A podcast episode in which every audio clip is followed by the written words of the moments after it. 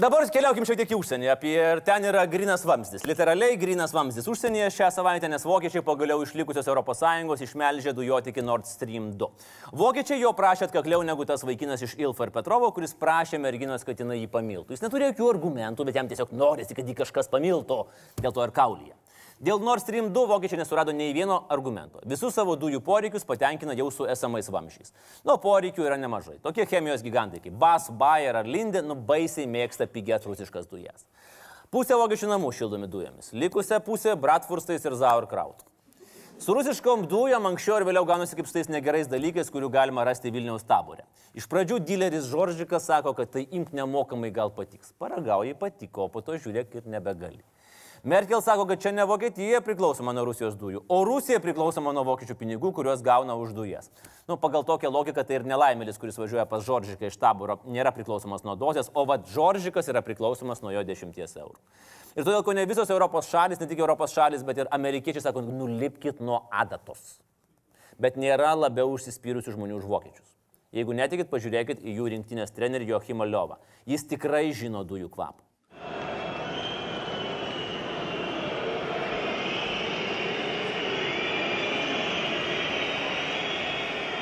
Sakė jiems žmonės, neimk tų pačių žmonių į rinktinę, pažiūrėk, paskutinį kartą pergalę šventėjai 17 metais. Na, bet Liovas buvo priklausomas nuo tų žmonių, papurtė galvą, pasikasė pakaušį ir nuvažiavo tuo pačiu sąstatu ir pasikrovė nuo Pietų Korejos. Žodžiu, turim situaciją. Visa Europa, Amerika nelaiminga, laimingas tik Putinas ir jo Putin Versteren Vokietijoje. Aš rimtai, vokiečiai netgi turi tokį terminą. Putin Versteyer, tai yra suprantantis Putiną. Faktiškai netgi dėl Vilniaus vamzdžio yra daugiau laimingų žmonių negu dėl Nord Stream 2.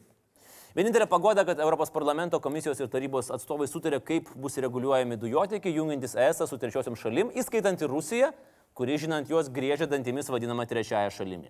Jei juk tik pirmąją norisi būti, jeigu ne futbole, tai bent jau dujose. Na, o kadangi Nord Stream 2 dėja pradės anksčiau, Europos leidimo jam nereikės, bet ateityje, jeigu sugalvos ties dar vieną, tikrai reikės. Ta prasme, jeigu ateityje vėl sugalvosi pas Šoržiką važiuoti dozės, reikės atsiklausti mamos. O mama, matydama, kas tau darosi, gali pasakyti ir ne. Anksčiau Europos teisė dujotikiams pradėdavo galioti ten, kur vamsis iškiždavo galvą sausumoje. Dabar galiojimas pastumtas iki teritorinės jūrų ribos. Ir ta teisė sako, kad negali vienu metu turėti ir vamzdžio, ir tuo, ką jo leidi.